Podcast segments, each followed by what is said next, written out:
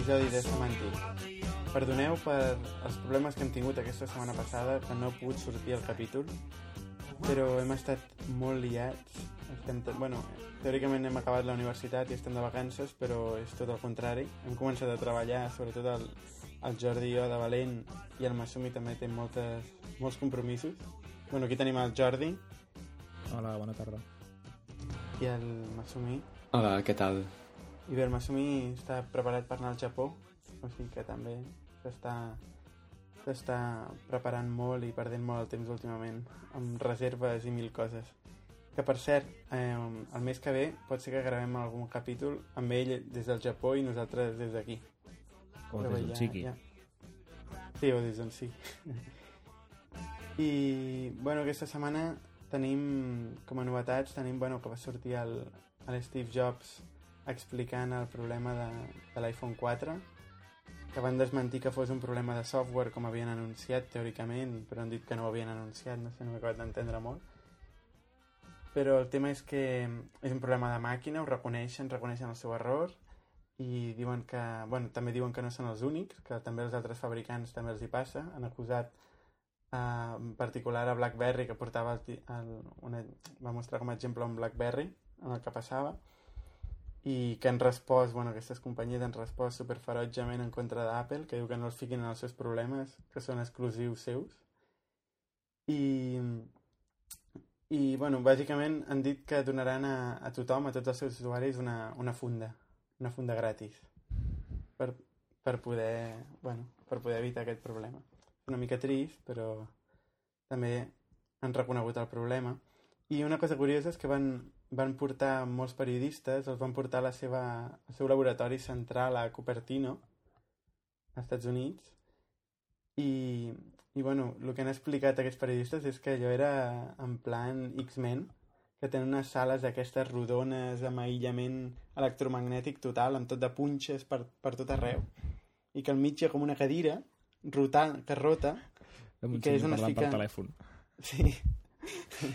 I allà es fica un senyor parlant per telèfon i poden mesurar exactament tota la, doncs, tota la radiació electromag electromagnètica i tota la, la connectivitat que pot, que pot oferir el, el mòbil, no?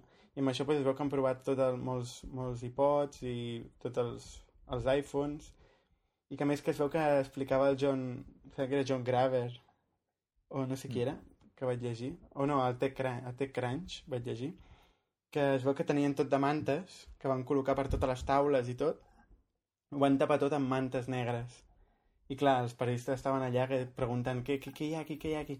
I diuen que és secret absolut, que no, no ho saben ni els, ni els treballadors d'Apple, que ja tenen uns... Bueno, tenen segurament l'iPhone 5 ja preparat, I el 6 i el 7.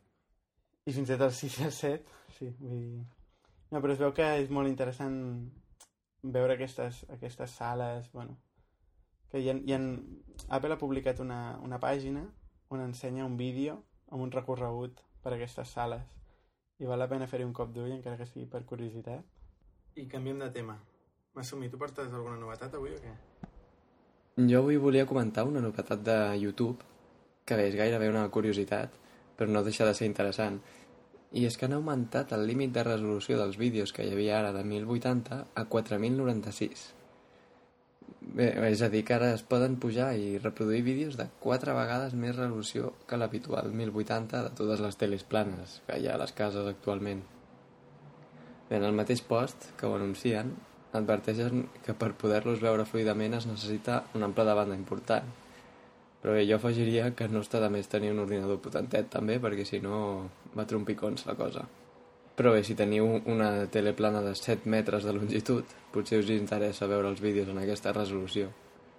Ah, comenten també que les càmeres que graven a 4K són cares i que els projectors preparats per a aquesta resolució tenen més o menys la mida d'una nevera. Doncs bé, a les notes de l'episodi posarem un enllaç a una llista de reproducció de YouTube de vídeos en aquesta resolució perquè els veieu vosaltres mateixos. Molt bé, doncs ja li farem un cop d'ull. Altres novetats. GitHub. Jordi, la teva especialitat. Bueno, GitHub no és una novetat, però No. volíem comentar que una cosa que a la nostra audiència els interessarà bastant és que acaben d'anunciar traduccions a molts idiomes, entre ells el català. i també, per exemple, en txec, en alemany, castellà, francès, croata, indonès, italià, japonès, holandès, noruec, polac, portuguès, serbi i suec. Tots, vaja, tots, tots els idiomes. Tots no, però bueno, curiós que el català estigui, estigui entre aquesta primera ronda, no? Perquè a vegades I costa. qui, qui, qui ho tradueix, això? Qui contracta voluntaris, la gent de, voluntaris. Jo em, vaig d'aquí de- oferir, jo em vaig oferir voluntari, però no em van demanar que fes res. Ah, sí? Però paguen? No, no, si no, no serien voluntaris. Ah, vale. No, no, usuaris de GitHub orgullosos de ser-ho com jo mateix, que amb una estoneta tradueixes de l'anglès al català i després un altre usuari perquè ho revisi i verifiqui que no has posat tonteries i ja està. I Mhm. no, està bé, està... crec que és un bon pas endavant. Perquè tu a nivell personal utilitzes GitHub per tot o què? A nivell personal i professional. sí, sí. Git, Ja, bueno, el codi ara, ara està a GitHub. Abans no, abans tenia repositoris privats en, en un servidor de Git privat, però ara ho tinc tot a GitHub pagant un, un petit pla mensual i també l'utilitzem per la feina amb tots els projectes públics i privats, vull dir que és comodíssim treballar un sol i fins i tot i comentar, compartir codi, etc. Vull dir, fa una estona tu i jo parlàvem de codi i si no a ser per GitHub hagués estat impossible que t'ensenyés així d'un cop d'ull ràpid tota la feina que he fet aquesta setmana. Ja. Realment Ja, molt però bé, el problema que trobo jo amb, amb GitHub és que per grups que siguin ja una mica més grans, encara que sigui per projectes petits, eh, has, has d'agafar plans que són ja més cars. O sigui, no hi ha plans, no, no valoren la grandària del projecte, sinó el, el número de col·laboradors i també, bueno, també l'espai, no? Per Bueno, passar d'un pla a un altre. Del, del preu que estiguem parlant, perquè el que més limita és el número de, de repositoris que tinguis, crec que. I Ja. aleshores, el, el problema que tu em comentaves és quan tens molts projectes petits. Clar, aquest és el nostre problema. Si tu Sí. tens molta gent però pocs projectes, normalment no hi ha problema. El problema és quan tu per cada client tens un projecte nou, aleshores acabes tenint 50 repositoris i has de pagar bastant. Per una empresa petita doncs és bastant. Però bueno, tenen plans, molts plans de 7, 10 dòlars, 20 dòlars que serveixen per la majoria d'empreses petites i són Sí, collonuts. sí. Sí, sí. sí. sí. I a més, és, digues, Digues, digues. digues.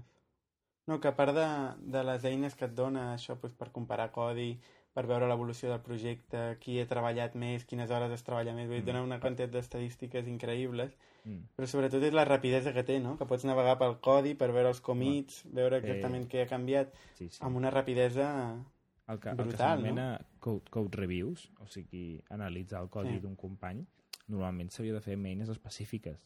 Tot això ha desaparegut perquè tu arribes a GitHub, vas a un commit, fas notes a cada línia que tu vols comentar o vols preguntar per què ho has fet així, i a cap d'una estona l'altre ho veu i et contesta i diu ho he fet així per tal, i si no et sembla bé fas un altre commit corregint, etc. Vull dir, el code review ara són comentaris de GitHub i, bueno, és comodíssim. Sí, sí. Pel tema de, de project management, o sigui, de, de gestió de projectes... Bueno, gestió de projectes, col·laboració en projectes de Sí, sí, software, sí, sí. bàsicament, Sí, sí, és, és una revolució. sí, sí. jo no sabria I també fer, sí, Eh? Jo no sabria treballar sense GitHub ara mateix. Sí, sí. Bueno, ja el retrospectiva Sí. és un software que realment està, està molt bé també, eh? Vull dir, Sí. clar, no, no es va mantenir ni no es va actualitzant tant com GitHub. És que GitHub, si mires en l'últim any, pues, ha canviat molt. eh, S'han Sí. afegit moltíssimes, moltíssimes coses noves i moltíssimes implementacions molt, molt guapes, no? que per cert no ho vam comentar en el darrer episodi, però van fer un canvi dels més grans que han fet mai, que és la incorporació d'organitzacions, que et permet crear un compte que no és personal, com fins ara, tots els comptes eren personals, sinó crear un compte Ah. sense, sense assignar una sola persona, sinó una empresa o un grup, i que això ha canviat la manera com s'estructuren els comptes de GitHub. Ara les empreses no tenen un compte que és una persona que es diu com a empresa, sinó que tenen un Ah. compte que és un grup. I aleshores la gràcia de les organitzacions és que pots crear petits equips, tens infinits usuaris i l'únic que et restringeix és el número de repositoris. Uh -huh. Està molt Està bé. bé, I permet, està bé, està bé. el tema de gestionar permisos per repositoris és molt millor ara. Vull dir que ha canviat moltíssim. Això va ser fa, fa dos o tres setmanes que, que va sortir això. Uh -huh. No, està molt bé. I després també, bueno, relacionat amb això, però no ben bé igual, un, un servei d'allotjament d'aplicacions de Ruby, bàsicament. bueno, bàsicament no. Servei d'aplicacions de Ruby. Que és molt famós i que, per exemple, utilitzem en el, pel wiki de Semantic, que és Heroku, que et permet treballar pues, en un projecte, per exemple, que tinguis a GitHub, un projecte, qualsevol projecte que tinguis amb un, usant el software de control de versions Git, que és el que utilitzem nosaltres majoritàriament, eh, pots, pots passar-lo directament en, a producció amb un servidor sense quasi adonar-te que ho estàs fent, no? Sí, és sí. Heroku, és el software de Heroku, que bé, tu coneixes més, Jordi? Sí, Heroku és, és com dius, és un sistema d'allotjament d'aplicacions web Ruby gratuït i de pagament, però vull dir, té una versió gratuïta, que et permet, quan tu tens una aplicació basada en Ruby funcionant, perquè l'estàs desenvolupant i tal, i et funciona en local, l'únic que has de fer és escriure dues comandes, que bàsicament el que fas és enviar el codi a un repositori que tenen ells i automàticament fa tot el que ha de fer perquè allò estigui funcionant amb un subdomini de qualsevol cosa .heroku.com. Aleshores, a partir d'aquí, té tot el que s'anomenen uns add-ons, uns, uns complements que et permeten tenir una aplicació totalment completa, com per exemple fer servir subdominis pels comptes, enviament de mails des de l'aplicació, seguretat SSL, fer servir tecnologies més avançades com Memcache, eh, notificació uh -huh. d'excepcions, bueno, vull dir, fer servir cron, el, el dimoni de temporització per executar tasques així regularment, pots fer de tot amb una aplicació Heroku. Però, si tu vols enviar una aplicació de, de desenvolupament a producció, o sigui, perquè la pugui fer servir tothom a internet, són dos passos i 30 segons. Sí, Realment, sí. Però no tens els... un accés shell, no, al servidor? O sigui, el típic que bueno, tu pots executar comandes, tu pots executar comandes en el servidor a través de la seva comanda, però no és literalment mm. un accés shell estàndard, mm -hmm. vull dir, és una mica especial, però clar, ten, la seva arquitectura limita unes quantes coses, per exemple, el sistema de fitxers és de només lectura. Això significa que si la teva aplicació accepta pujades, les has de fer directament a un servei tipus Amazon S3 saps? I sí. aquest tipus de coses. Llavors el preu doncs, és gratuït per una aplicació amb no molta càrrega i per 30, 40, 80, 100, 200 dòlars mensuals doncs pots anar escalant l'aplicació afegint-hi processadors i memòria RAM, etc. Però realment mm. és una solució molt bona bueno, per el, si vols... El preu s'escala bastant, eh? Vull dir, quan comences a pagar... Molt. A pagar... No, clar, però... Fa car, però clar que és, és el que sempre comentem que, que l'escalabilitat tampoc costa tant, perquè si realment és un bon Has d'escalar la teva aplicació és perquè et va bé, no? Clar, exactament. Uh mhm. -huh.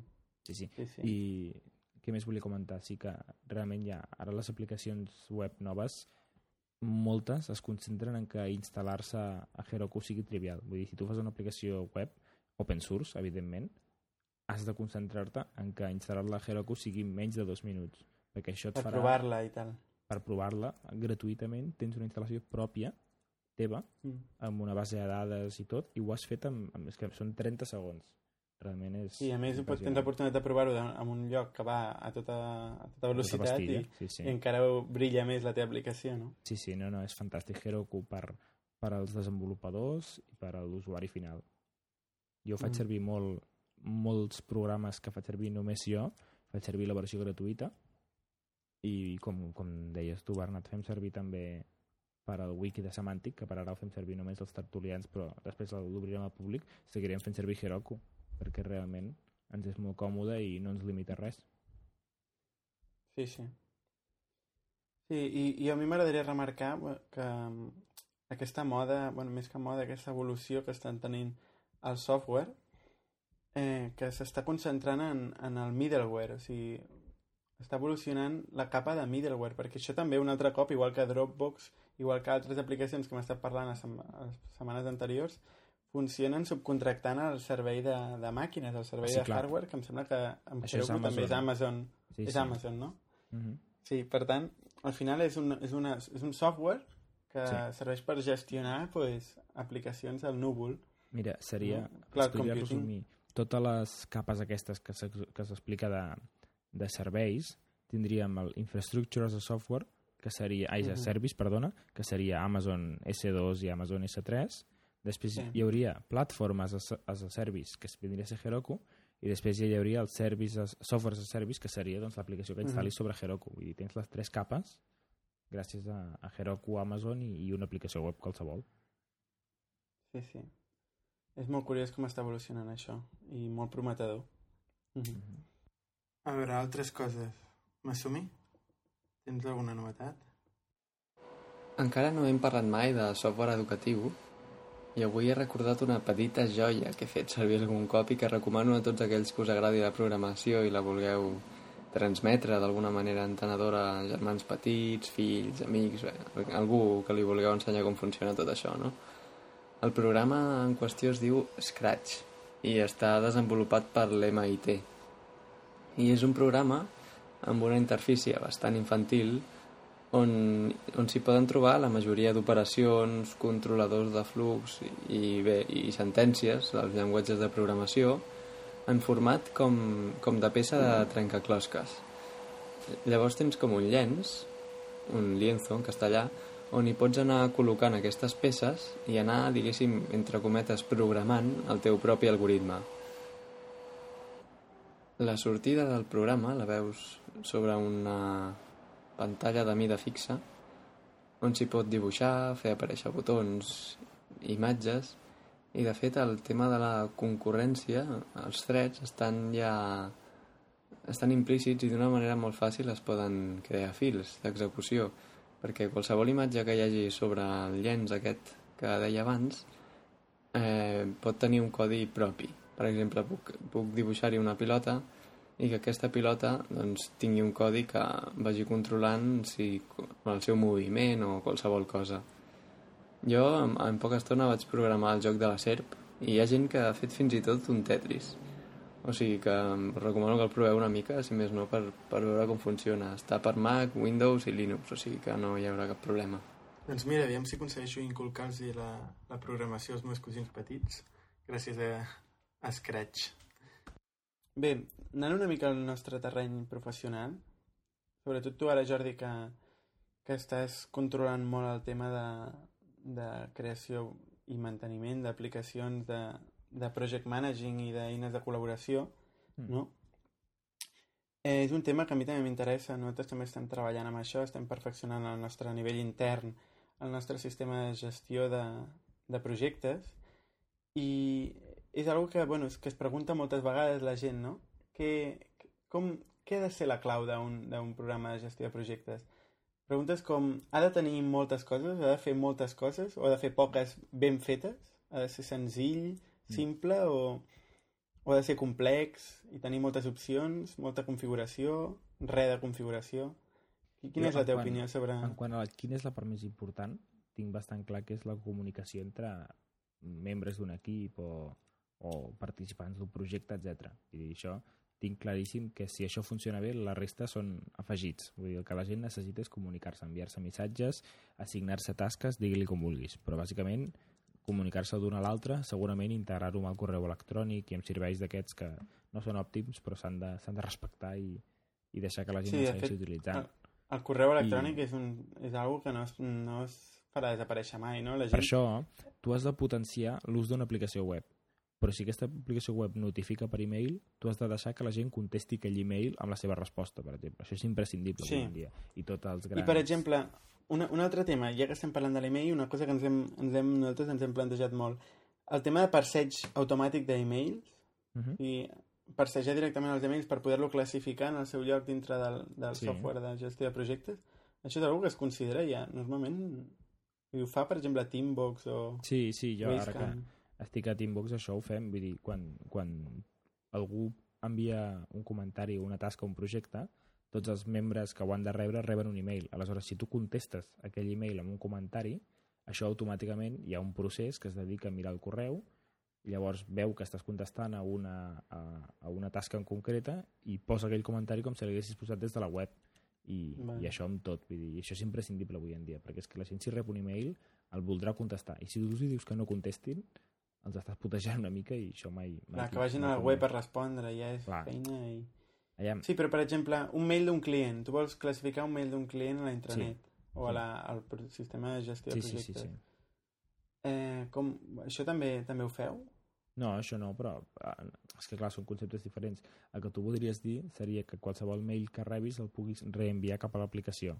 Exacte. En aquest cas, el que tu hauries de fer seria definir alguna mena de paraules clau Convenció. Exemple, el nom sí. del projecte o, o el que sigui, que tu el reenvies a una adreça en concret, que és l'adreça de l'aplicació, amb un parell d'etiquetes que el classificarien. Vull dir, això és bastant senzill d'implementar en Ruby on Rails. Mm. I això és útil? Ho fan les, els Sí, software? això ho fa, per exemple, un software de 37 Signals que es diu eh, Hike-Rise, que Mhm, és sí. gestió de contactes i, i coses d'aquestes, que, entre altres coses, es basa en això, en que tu reenvis tots els teus mails cap allà i els esborris. I aleshores tota la informació útil d'un mail la tens allà en versió web, Mhm. classificada, relacionada amb, amb els contactes, etc. Mm -hmm. Vull dir que hi ha una aplicació que bàsicament es dedica a això. I mm, després, tu creus que pot ser realment genèric un software d'aquests de gestió de projectes, tipus Basecamp? Bueno, Basecamp ho és, no? I ho utilitzen sí. mil, mil tipus diferents d'empreses i, i no toquen ni una coma ni canvien ni una línia Sí, de sí. codi Jo per, crec cada que sí. tip, per cada empresa concreta. Jo crec que sí pel mateix que deia abans de, de la comunicació. Vull dir, si tu et concentres en comunicació entre persones d'un equip, és igual si són programadors, dissenyadors gràfics, arquitectes o vés a saber. Vull dir, tu el cas de facilitar és que la gent comparteixi el, en el que estan treballant, les seves tasques, etc. O sigui que jo crec que sí que pot ser genèric. Ara, que és molt difícil fer-lo genèric, perquè, per exemple, tu Sí. pots decidir sí, sí, tothom es comunica igual, però si els teus usuaris són programadors, per exemple, pots fer un software que sigui una mica més complicat d'utilitzar perquè el, el teu públic doncs, ja és un expert. En canvi, si el teu públic són mestres de primària, doncs potser ho has de fer tot més senzill i treure característiques perquè no estan tan acostumats a tractar amb software. Dir, això Sí, sí, sí que canvia una mica. Home, de fet, aviam, el tema de gestió de projectes és una disciplina en si. O sigui, Sí, sí. eh, el fet de com gestionar un projecte és una disciplina, s'estudia, hi ha màsters sí. d'això. No el software, un sinó la, no? la gestió en si. Sí, sí, sí, la gestió en si. Per tant, és una, és una cosa transversal, és una, un, Mm. un Sí, sí. coneixement transversal que s'hauria de poder aplicar a qualsevol camp. Però clar, després tu estàs programant aquesta eina i segurament et dones, te n'adones que seria útil implementar coses com, per exemple, gestió de bugs, no? que ens interessa sí, sí. a nosaltres. Incorporar una d'errors. gestió de bugs que autocompleti, per exemple, les tasques. Tu crees tasques i les relaciones amb bugs, amb Mm. això, errors. això sí, mateix que tu estàs dient, per exemple, aquesta mateixa setmana ho discutíem a Teambox. Val la pena fer-ho això?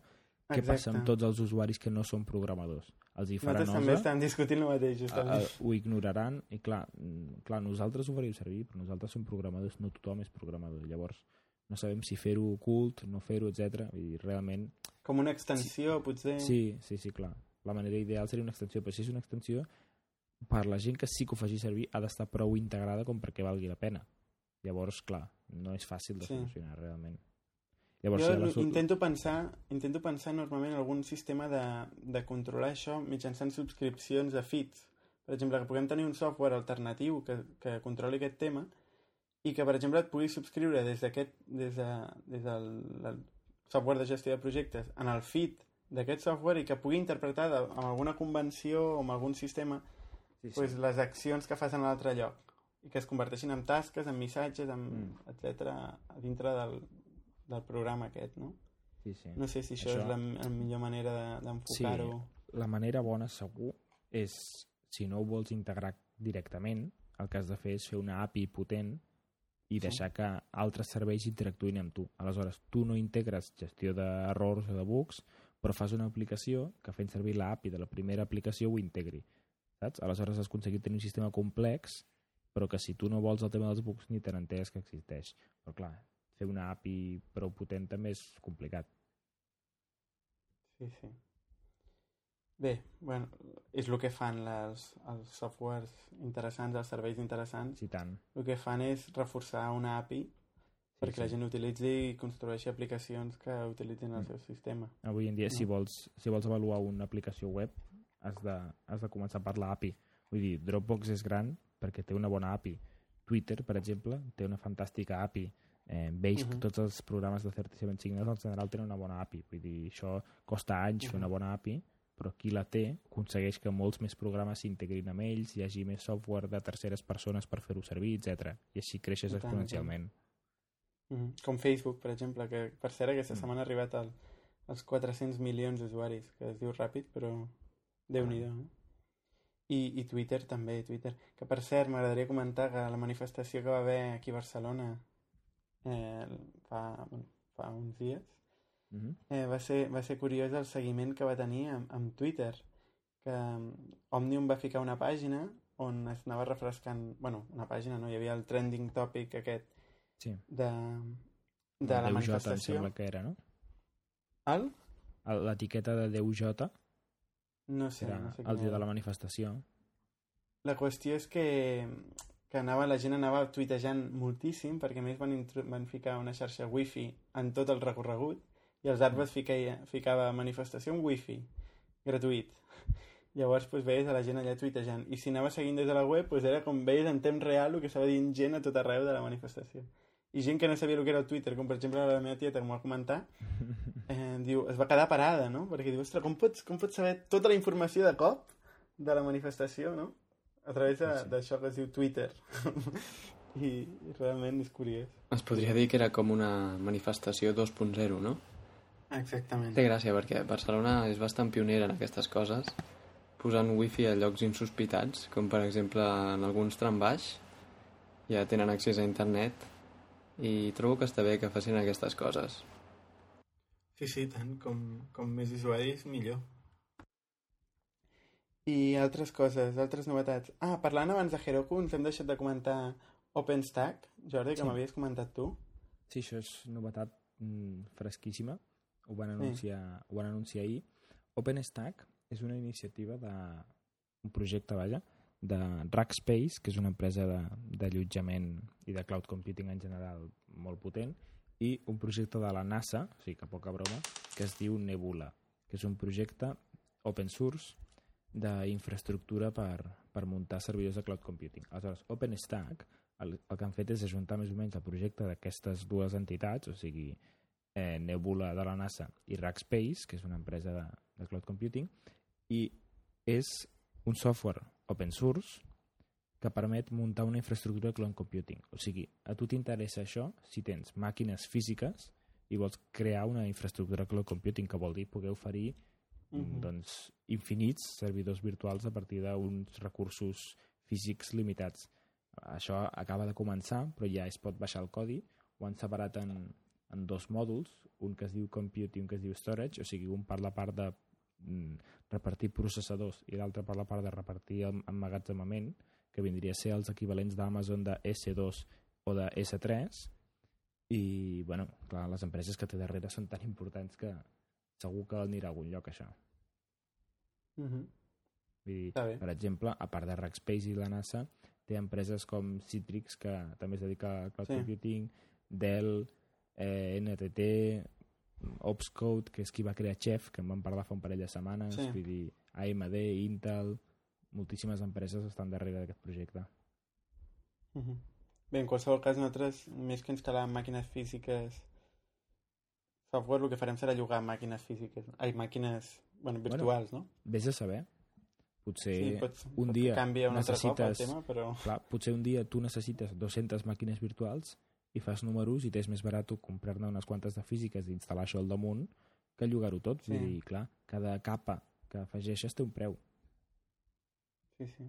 Vull dir, per exemple, no sé, a la Universitat Politècnica on estem nosaltres li interessaria fer alguna així i en comptes de tenir doncs, no sé, 500 servidors físics, un per cada cosa, només amb 200 servidors físics i un sistema com aquest muntat al damunt optimitzaria molt més els seus recursos.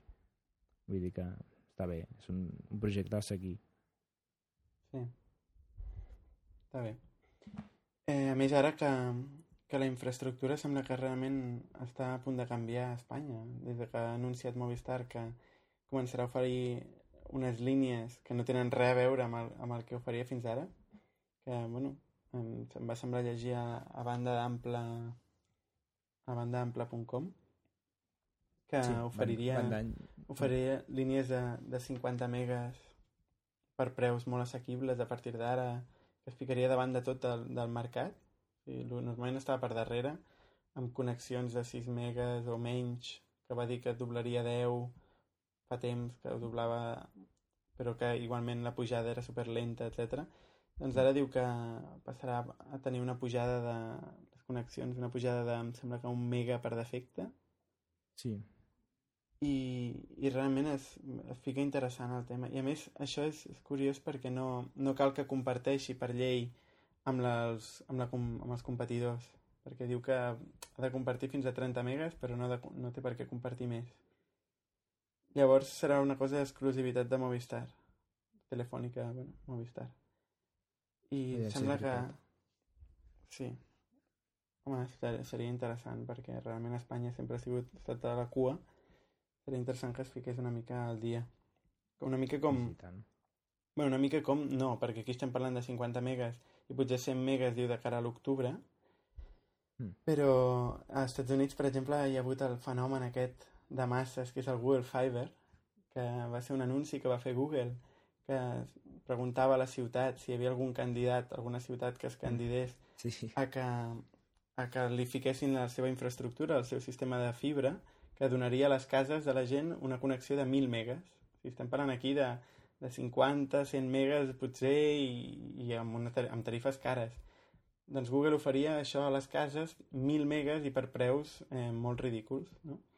Llavors, la gent a les ciutats es van començar a revolucionar, vull dir, van, van haver candidatures per tot arreu, hi havia ciutats que oferien canviar-se el nom, no sé, un, una ciutat que es deia, no sé com es deia, Kansas no sé què, bueno, Kansas no, eh? Però, eh i, I ficaven el nom Google Kansas no sé què, saps? O sigui, farien canviar-se el propi nom de la ciutat perquè vingués Google a instal·lar-se a, a instal·lar-se a la seva ciutat, no? Va ser un fenomen brutal, van rebre mil, 1.100 candidatures, em sembla, i ara han fet tots uns vídeos i una pàgina web dedicant a la població americana per donar-li les gràcies per tot això i dient que ho havien fet per una mica impulsar les companyies, els, els operadors de telefonia que, que millorin les seves infraestructures. I realment és interessant, ficarem el vídeo aquest en les notes de l'episodi per veure com, bé, com, com funciona. Realment es pinten amb ells mateixos com si fossin uns salvadors increïbles, es veuen com sempre en les seves instal·lacions allà amb les piscines de boles, amb els, amb els, amb els tobogans aquests que baixen d'un pis a un altre, bueno, a mi em fica molt nerviós això, no sé per què. Però bé, jo crec que... Podem... Sí, segurament serà l'enveja. no sé. Però realment Google és una empresa que sembla que sigui el gran hermano o el nou govern massiu internacional que tothom accepta com a bo, però que en el fons és una empresa més que prima els beneficis.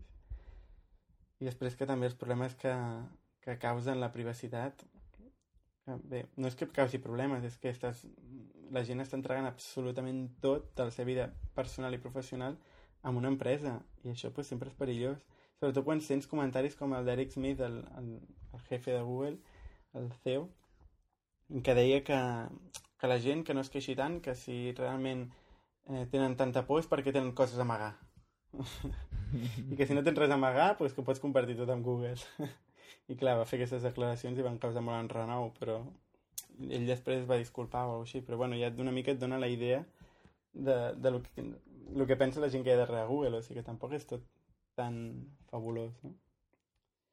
però bé, nosaltres ja sabem que quan estem compartint la informació amb Google ja sabem que, que ens està aportant un benefici i triem lliurement compartir-la amb Mm. ell no? No, no hi ha secrets amb Google. No, no, no. Home, és curiós que li estan traient una mica el, el pastís al tema de les xarxes socials, que no hi ha manera que ell penetri, que, que puguin crear una xarxa social que pugui penetrar a nivell de Twitter o, o Facebook, Mm.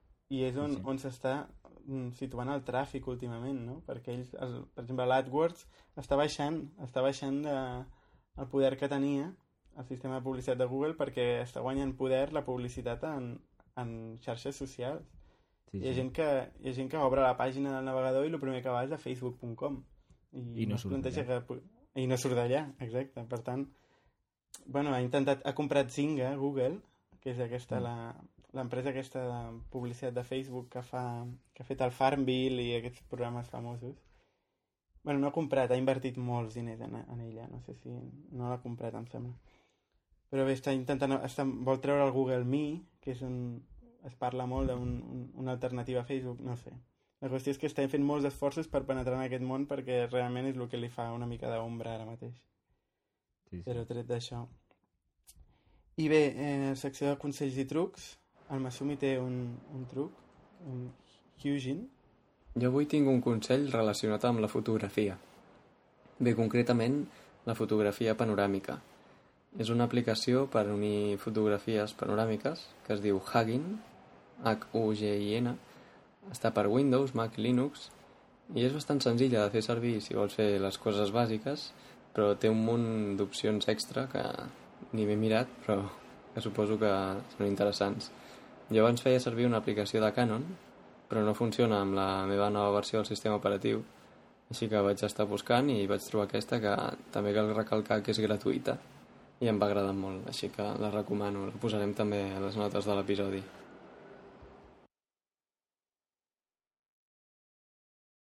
I a mi m'agradaria comentar m'agradaria comentar el tema de, de com sempre parlo últimament de les llibreries de Google que utilitzo molt però m'agradaria comentar llibreries que, per exemple, podem utilitzar que no, estan, que no són llibreries de Google, com per exemple jQuery o jQuery UI o, o Prototype, doncs, eh, que són llibreries de JavaScript que va, últimament s'utilitzen en les aplicacions web per, per gairebé quasi tot, per la interacció, Sí, per la interfície, sobretot. Sí, per la interfície d'usuari. Doncs eh, surt molt a compte carregar-la directament des de Google, però més eh, demostrat, demostrat empíricament, perquè tu, tu utilitzes el google.load, que és una comanda de Google, de Google APIs. Primer et registres una API a Google a APIs, o sigui, Ajax APIs, perdona. Eh? Sempre dic Google APIs, però no és la Google APIs d'un serveis de Google, sinó Google Ajax APIs, que són bàsicament llibreries que et permeten fer moltes coses molt interessants, com Google Maps, eh, Google Visualization APIs, que són per crear gràfics i això, això ho comentarem un altre dia, però és també molt interessant. I si tu vols crear, crear totes aquestes llibreries, pots fer-ho des de google.load, fiques el nom de la llibreria i la versió major, llavors ell automàticament et gestiona pues, les dependències i et, et carrega la última minor version, no? I, i és molt interessant perquè a part de que els servidors de Google sempre seran més ràpids que els teus i que estalvies banda d'ampla ai, ample de banda, quina mania que tinc banda d'ampla del servidor doncs eh, a més a més és molt probable que el client, és a dir, el, el navegador de l'usuari ja tingui carregada aquella llibreria perquè bàsicament el que fa el navegador és comprovar d'on ve aquella llibreria i, i com es diu i les compara, no? I com que molta gent cada més està utilitzant les llibreries directament des de Google, és probable que l'usuari quan arribi a la teva pàgina ja no tingui que carregar tot el contingut de les llibreries, perquè ja el tingui d'una pàgina anterior. I clar, això fa que la navegació sigui molt més ràpida. Per tant, eh, sigui com sigui, surt a compte carregar les llibreries de, des de Google, no? Sí, sí.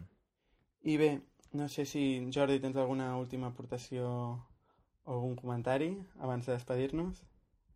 Bueno, jo podria comentar un, un truc que és especialment sí. per desenvolupadors web que vaig descobrir aquesta setmana, que és un mm. programa que es diu Life Reload. Això és un programa que està fet de dos parts. Una que és un plugin pel navegador web i l'altra que és una comanda de línia comandes. Aleshores, això el que fa és que tu l'instal·les al navegador i a la línia comandes i aleshores, quan et poses a programar una aplicació web, obres mm. una pestanya amb l'aplicació web que tu estàs treballant, obres una pestanya del teu, de la línia comandes amb el codi i tu dius, a partir d'ara treballaré amb això això el que significa és que cada vegada que tu deses un fitxer dins del directori de la teva aplicació, automàticament es refresca la pàgina que estàs veient.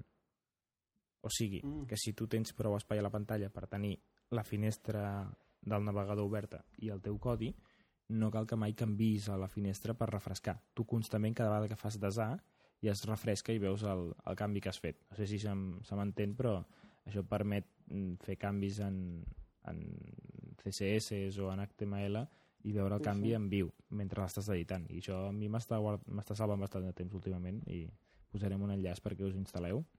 Està fet en Ruby i és interessant. Està, diria que està per Chrome, Safari i Firefox. Uh -huh. ah, doncs ja posarem l'enllaç. I mm. bé, ho podem deixar aquí. Eh, recordeu de votar-nos per cert, que tenim l'enllaç a la nostra pàgina principal. Eh, heu vist que hem ficat un, un lector dels nostres feeds utilitzant justament les Google Ajax APIs. I mm, pots seguir el feed dels nostres blogs i els nostres Twitter. I recordeu d'escriure'ns si voleu a podcast.semantic.cat que ja ho feu. Els comentaris eh, sembla que no, no triomfen. Eh, el sistema de comentaris superguapo amb Ajax, etc però sembla que la gent li fa vergonya. Però bé, eh, us agraïm igualment la, la vostra col·laboració i els vostres comentaris i res, ens veiem la setmana que ve. I followed you into a show